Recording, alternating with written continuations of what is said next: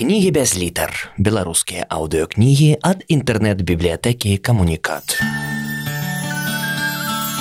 Уладзімир Орлоў. Айчына, маляўнічая гісторыя. Частка першая ад рагнеды да касцюшкі. Чытае аўтар. Аповед 28. Радзівілы, ваяры і палітыкі. Вы памятаеце, што найбольш багатыя і магутныя роды ў вялікім княстве называліся магнатамі. Гэта была наша арыстакратыя. Вельмі часта жыццё дзяржавы залежала ад яе нават больш, чым ад вялікага князя. Шмат хто з магнатаў меў княскі або графскі тытул. Сапегі, гальшанскія, хаткевічы, астроскія, слуцкія, друцкія, тышкевічы, алелькавічы. Да самай багатай ды ўплывовай арыстакратыі не толькі ў нашай краіне, але і ва ўсёй Еўропе некалькі стагоддзяў належаў літвінскі род князёў радзівілаў.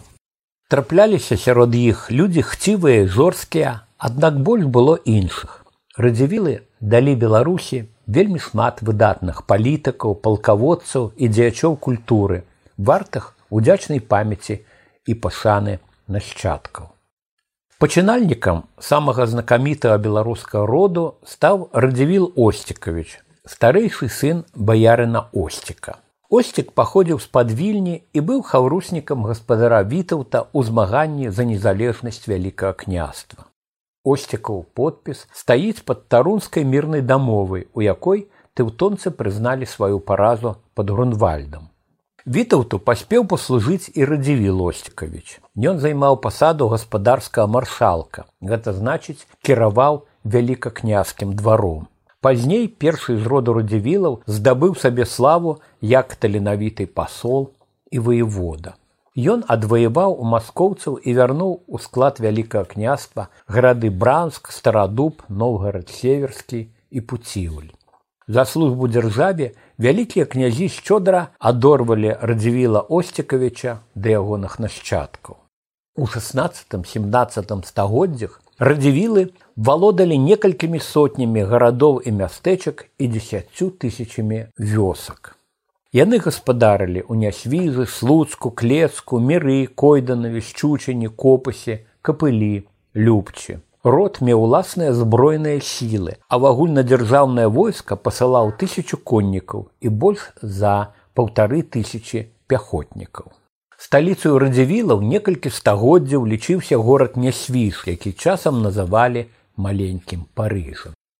Магутнасць гэтага роду засведчыла тагачасная прымаўка каралі ў варшаве, а радзівілы ў нясвіжы. Кажучы іншымі словамі, радзівілы былі для вялікага княства і ўсёй рэчы паспалітай не менш важныя за вялікіх князёў і каралёў.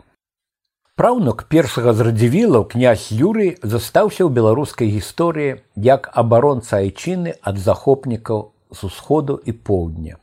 Ён перамог маскоўцаў і татараў у 30 бітвах. Сучаснікі так і называлі яго Віктор, што ў перакладзе з лацінскай мовы азначае пераможца.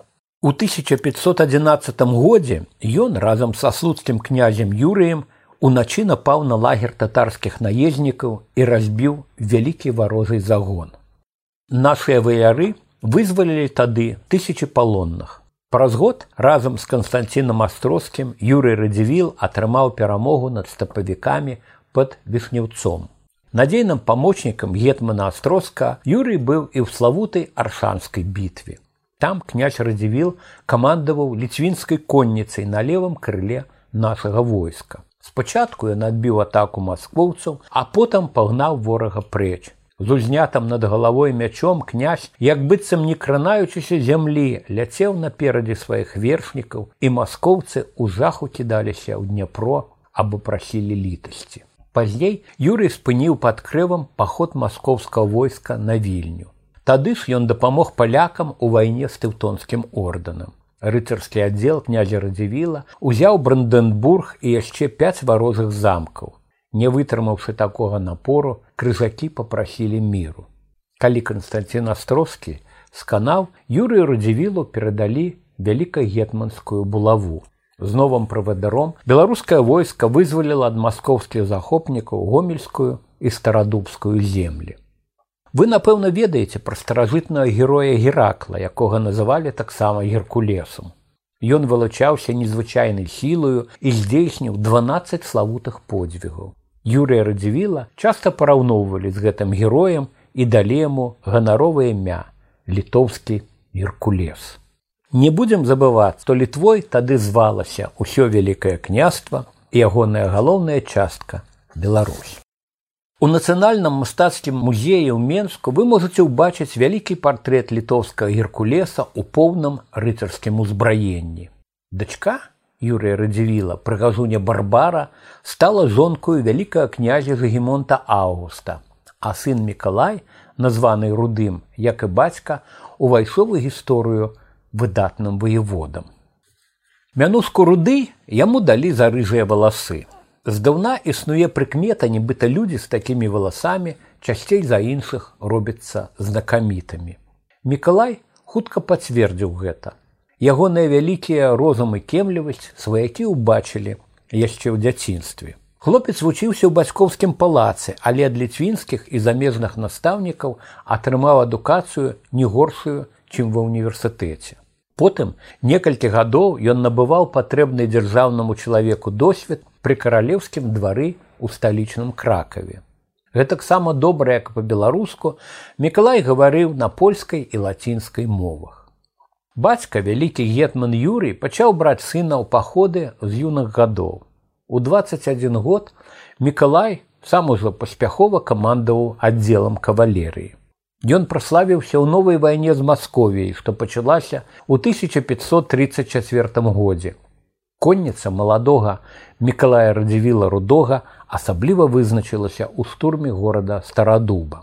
Пасля бацькавай смерці князь Мікалай застаўся ўладальнікам багатых земляў і маёнткаў, а таксама апекуном малодшай сестры барбары, у якой памёр муж. Каб заўдавелая сестра не засталася без спадчыны, радзівіл напісаў ліст гаспадару Загімонту августу. Вялікі князь і княгіня радзівіл спадабаліся адно аднаму. Яны пачалі сустракацца, а затым пабраліся шлюбам. Тады уплыў Миколая радзівіла на палітыку вялікага княства літоўска зрабіўся яшчэ большым. Ад'язджаючы з вільні ў кракаў, Загімонт Аўгуст прызначыў радзівіла рудога сваім намеснікам. Але найбольшую славу князь Миколай здабыў, стаўшы вялікім гетманам. Неўзабаве зноў распачалася вайна з Масковіяй, якая прагнула захапіць суседнія з вялікім княстам інфлянты. Даведаўшыся, што сабранае гетманам Миколаем войска перайшло дзвіну і русала на дапамогу лівонцам, маскоўскія воеводы спалохаліся і пачалі адступаць. Ліцвіны гналі іх ажна да балтыйскага мора. Пасля таго, як войскі цара Івана жахлівага захапілі полацак над вялікім княстам навісла смяротная пагроза. Але, як вы ўжо ведаеце, узімку 1564 года на беразе ракі вулы паблізу вёскі Іванск беларуская конніца радзівіла раптоўным ударам разбіла ў тры разы большее 25тысячнае маскоўскае войска. Пасля гэтага захопнікі ўжо не насмельваліся ісці ў глыб Беларусі. Пазней войска гетмана Миколая удзельнічала ў вызваленні полацка. Вялікі князь і кароль Степан Батура шмат разоў дзякаваў радзівілу за добрыя парады і ставіў у прыклад ягоную кавалерыю.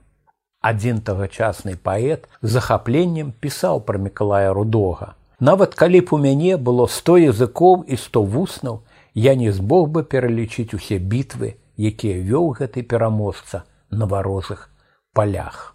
Надзейным хавруснікам Миколая рудога ува ўсіх справах быў стрыечны брат Миколай чорны, які атрымаў мянуску таксама за колер валасоў. Ён займаў высокія пасады, кіраваў вялікакняскай рады і паседжаннямі соймаў, дапамог брату выдаць яго сястру барбару замуж за жагемонта августа. У 1550 годзе Мікалай стаў канцлерам, другім у краіне чалавекам пасля вялікага князя. Хябры і непрыяцелі называлі яго некаранаваным уладаром вялікага княства. Пра тое, што ніхто не мог запярэчыць канцлеру, казала дасціпная прымаўка. Дзе чорны прывяза карова ў літве, там іна і стаяць паслухмяна будзе. За заслугі перад дзяржавай вялікі князь зрабіў канцлера Миколая віленскім воеводам і дазволіў захоўваць у нясвійскім замку радзівілаў архіў княства. Амаль кожную пастанову Гемонт Аўгуст прымаў толькі са згоды канцлера. За гэта зласлівыя языкі распускалі чуткі, нібыта князь Миколай пасябраваў з нячыстай сілаю і навёў на вялікага князя чары. Миколай чорны меў шмат ворагаў, але асабліва ненавідзелі яго каталікі. Канцлер, а следам за ім амаль усе іншыя магнаты перайшлі з каталіцтва ў новую веру, якая называлася кальвінізмам. Кальвіністы былі хрысціянамі, але не прызнавалі ўлады рымскага папы і выступалі супраць велізарнага багацця каталіцкай царквы. Яны хацелі зрабіць веру больш простай і чыстай, такой як у часы Ісуса Хрыста і ягоных вучняў. Радзівіл чорнай адчыняў кальвіністскія сколы, храмы, друкарні. У нясвійскай друкарні выдаваў кнігі паслядоўнік франціска скарыны, асветнік Сымон будны. На сродкі радзівіла выйшла славутая берасцейская біблія. Канцлер і ягоныя дадумцы хацелі, каб ліцвіны каталікі і ліцвіны праваслаўныя злучыліся в адной царкве. Гэта абараніла б вялікае княства і ад каталіцкай Польшчы і ад праваслаўнай Масковіі. Мікалаю чорнаму не хапіла часу ажыццявіць свой намер. Але, як вядома, праз некалькі дзесяцігоддзяў гэта зрабілі яго паслядоўнікі на берасцейскім аб'яднаўчым царкоўным саборы. Шырокую і заслужаную вядомасць здабыў радзівіл чорны і як музны рыцар. Пры канцы 16 стагоддзя аўстрыйскі герцаг фердынант вырашыў стварыць музей еўрапейскай рыцарскай славы. Ён разаслаў у розныя краіны лісты з просьбаю прыслаць панцыры і зброю найбольш знакамітых рыцараў. З вялікага княства літоўска герцаг попрасіў узбраення братоў радзівілаў, чорнага і рудога. Цяпер парадныя панцыры нашых знакамітых суайчыннікаў захоўваюцца ў венскім гістарычным музеі. Вы памятаеце, што родная сестра Миколая рудога барбара была жонкаю гаспадара жгемонта августа. Гэтай жанчыне вялікая розуму і чароўнай красы выпаў незвычайны і цяжкі лёс. Калі красуня барбара адзначыла 17 дзень нараджэння, бацькі выдалі яе замуж за нашмат старэйшага наваградскага воеводу станіслава гаштаўта. Воевода неўзабаве памёр і маладая ўдава засталася самотнічаць у родавым мужавым замку у геранёнах. Калі скончылася жалоба, барбара пачала прыязджаць у сталічную вільню. Аднаго разу на балі яна і пазнаёмілася з вялікім князем. Прыдворныя заўважылі, якімі замілаванымі вачыма глядзеў на барбару князь Жгемонт. Неўзабаве ён прыехаў на пару дзён у геранёнскі замак, а прагасцяваў там аж на некалькі тыдняў. Легемон патлумачыў, што хаваўся ад чумы, якая забрала шмат жыццяў у сталіцы. Аднак у сапраўднасці ён закахаўся ў барбару. Сталася так, што вялікі князь па нейкім часе таксама заўдавеў. Тады барбара жыла з маці ў вільні. Гемонт Аўгуст загадаў пабудаваць таемны пераход са свайго палаца ў дом радзівілаў. Барбарана маці спрыяла маладым, бо марыла ўбачыць дачку у кароне вялікай княгіні і каралевы. А вось ейныя браты Миколай руды і Миколай чорны попрасілі гаспадара вялікага княства, каб ён не чыніў іх дому ні славы. Князь паабяцаў больш не прыходзіць, але ўжо страціў ад кахання волю. Кожны дзень расстання з барбары, якую Гмон Таўгуст ласкава называў дарагой басей або басенькай, быў для яго пакутаю. Аднаго разу ўначы ён зноў выправіўся на спатканне, да яго сустрэла не каханая, а яе раз'юшаныя браты. Яны запатрабавалі або ажаніцца з іхняй сястрою, або ніколі больш з ёю не бачацца. Гегемонт адважыўся на адчайны крок і ў тую ж ноч таемна абвенчаўся з каханай барбарай. Чутка пра гэта дайшла ў кракаў да бацькоў вялікага князя, караля Жгемонта старога і каралевы боны. Яны былі супраць шлюбу, бо лічылі, што род радзівілаў хоць і дужа знатнай, але ўсё роўна ніжэйшай за вялікакняцкі і каралеўскі.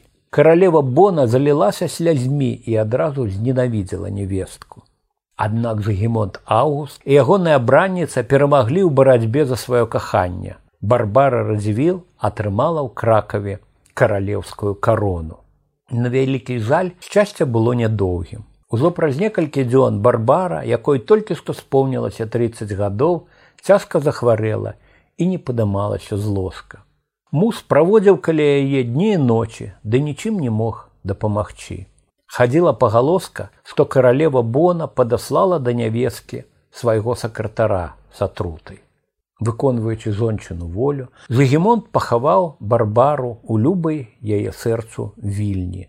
На памяць пра каханую ён загадаў пабудаваць там касцёл святой барбары. І пра шмат гадоў Загемонт Аўгуст не мог забыць любую басю. Паданне апавядае, што ён паклікаў да сябе самага знакамітага ў краіне чарнакніжніка чараўніка пана твардоўскага, каб той паказаў яму ў люстэрку хоць бы цень барбары. Убачыўшы аблічча, вялікі князь у роспачы закрычаў бахенька моя. Люстэрка разбілася, пакой напоўніўся дымам. Ад таго часу прывід барбары, які называюць чорнай паннай, нібыта з'яўляецца ў нясвіскім замку і яго ваколіцах. Кароткае, але такое незвычайнае жыццё барбары радзівіл і сёння ўразвае суайчыннікаў. Шматлікія творы прысвяцілі ёй пісьменнікі, мастакі і кампазітары. Яшчэ адзін славуты радзівіл, князь Миколай Крыстоп сіротка быў сынам Миколая радзівіла чорнага, а мянуску атрымаў ад самога гаспадара Загемонта Аўгуста. Выпраўляючыся да вялікакняска двара, бацькі аднаго разу ўзялі з сабой і зусім маленька сыночка. Калі Загемонт Аўгуст падышоў да яго, міколка жаласна плакаў на маленькім ложачку. Гаспадар ласкава загаварыў з ім і са скадобаю назваў сіроткам. У гады дзяцінства сіроткі у нясвізы жылі і працавалі вядомыя еўрапейскія вучоныя, якіх сабраў да сябе Миколай чорнай. Яны сталі для хлопчыка першымі настаўнікамі. Потым ён паспяхова спасягаў навуку ва ўніверсітэтах далёкіх страсбурга і цюбенгена. З дзяцінства Миколай сіротка любіў вандраваць. Ён пабачыў італійскія гарады, Рм, меланы падаю, быў у швейцарскім цюрыху. Знатнасць роду і багацця дазвалялі яму сустракацца з рымскім папам і каралямі выступаць на самых славутах у Еўропе рыцарскіх турнірах. Вярнуўшыся на бацькаўшчыну, князь Миколай на чале уласнага аддзела ваяваў з маскоўскімі захопнікамі.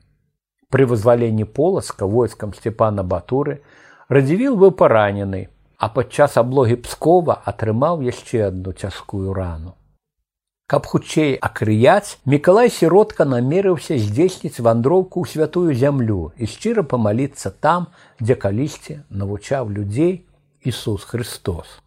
З нясвіжа сіротка накіраваўся ў італійскі горад Венецыю, а далей паплыў на караблі морам. Па дарозе ў Ерусалімы назад падарожнік наведаў астравы крыт і кіпр, а таксама сірыю і егіпет. Ён аглядаў старажытныя гарады і помнікі, цікавіўся прыродай, звычаямі, гаспадаркай тых далёкіх краін народаў. Паўсюль князь занатоўваў назіранні ў дзённіку. На зваротным шляху карабель, на якім плыў сіротка, трапіў у страшэнны шторм.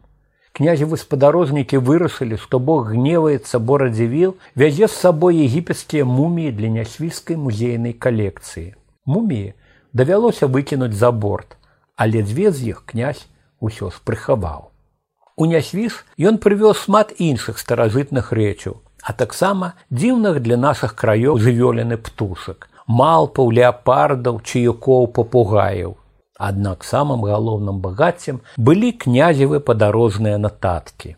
Дзякуючы ім Миколай сіротка напісаў на лацінскай мове кнігу, якая скарочана называлася перагрынацыя, а ў перакладзе падарожжа.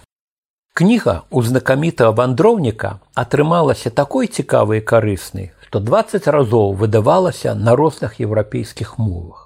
У тым ліку і на беларускай. Мікалай сіротка адмовіўся ад бацькавай веры і стаў каталіком. Ён нават скупляў і загадваў паліць выдадзеную бацькам берасцейскую біблію. Але князь заставаўся патрыётам роднай краіны. Ён быў паслом вялікага князя на царкоўным з'ездзе ў берасці і спрыяў царкоўнай вуніі. Калі не свіжа, ён заснаваў вуніяцкі манастыр. Землякі найперш памятаюць і шануюць радзівіла сіродку за тое, што ён перабудаваў родны нясвіж і зрабіў яго адным з найпрыгажэйшых гарадоў не толькі дзяржавы, але і ўсёй усходняй Еўропы. Добра распараджаючыся вялікім багаццем, князь запрашаў да сябе таленавітых дойлідаў, мастакоў і майстроў розных спецыяльнасцяў. Якраз у тыя часы ў нясвіжы з'явіліся славутасці, якія сёння вабяць да сябе тысячи турыстаў. Гэта замак, ратуша, фарны касцёл, які пабудаваў на ўзор аднаго з самых знакамітых рымскіх храмаў архітэктар Ян Марія Бернардоні. У сіродкі плённа працаваў таленавіты мастак Тамаш Макоўскі. Ягоныя творы дапамагаюць нам уявіць, як чатыры стагоддзі таму выглядалі нясвіж, вільня, горадня, клецак. Макоўскі быў і выдатным картографам, майстрам у складанні геаграфічных картаў. На замову сіродкі ён стварыў першую дакладную карту вялікага княства літоўскага, якая і цяпер лічыцца адным з шэдэўраў еўрапейска картаграфічнага мастацтва. Гэты радзівіл мае і шмат іншых заслугаў перад розным горадам і айчынай. Ён будаваў навучальні і шпіталі, павялічыў заснаваную бацькам бібліятэку, стварыў у нясвіскім замку вялікую карцінную галерею. Карціны з гэтага збору вы можаце ўбачыць у нацыянальным мастацкім музеі Беларусі і ў залах нясвіска дэмірскага замку. Гасцям сіродкі, асабліва шляхецкай моладзі і дзецям падабаліся вясёлыя маскарады, якія любіў ладзіць гаспадарня свіжа. Іх удзельнікі перапраналіся ў старажытных грецкіх альбо рымскіх багоў і герояў, у туркаў або захароў далёкіх афрыканскіх краін. А камусьці хацелася перакінуцца ў звера ці ў птушку. З дакументаў, напрыклад, вядома, што для тагачасных маскарадаў часта набывалі стравусавыя пёры, бядзвежыя ды ваўчыныя скуры. Гульні і забавы, танцы і розныя цікавыя спаборніцтвы масак часам доўжыліся цэлы тыдзень. Калі вы прыедзеце на экскурсію ў радзівілаўскую сталіцу, абавязкова знайдзіце ў старым парку помнік мікалаю сіродку а таксама помнікі догляду яну бернардоні і мастаку тамашу макоўскаму іншы знакаміты радзівіл князь янус як і ягоныя продкі быў патрыётам вялікае княства і змагаром за яго незалежнасць ад польшчы яшчэ ў юнацтве у спрэчцы з польскімі пасламі ў вільні янус радзівіл сказаў што прыйдзе час і ліцвіны будуць выкідаць хцівых палякаў праз вокны Князь вучыўся ва ўніверсітэтах нямметчыны, галандыі, францыі ды Англіі. Апрача глыбокіх ведаў розных навуках ён меў надзвычайны вайсковы талент. У 40 гадоў стаў віленскім воеводам, а затым і вялікім гетманам. Спачатку хачу айчыну шчаслівай бачыць, а потым дом роднай.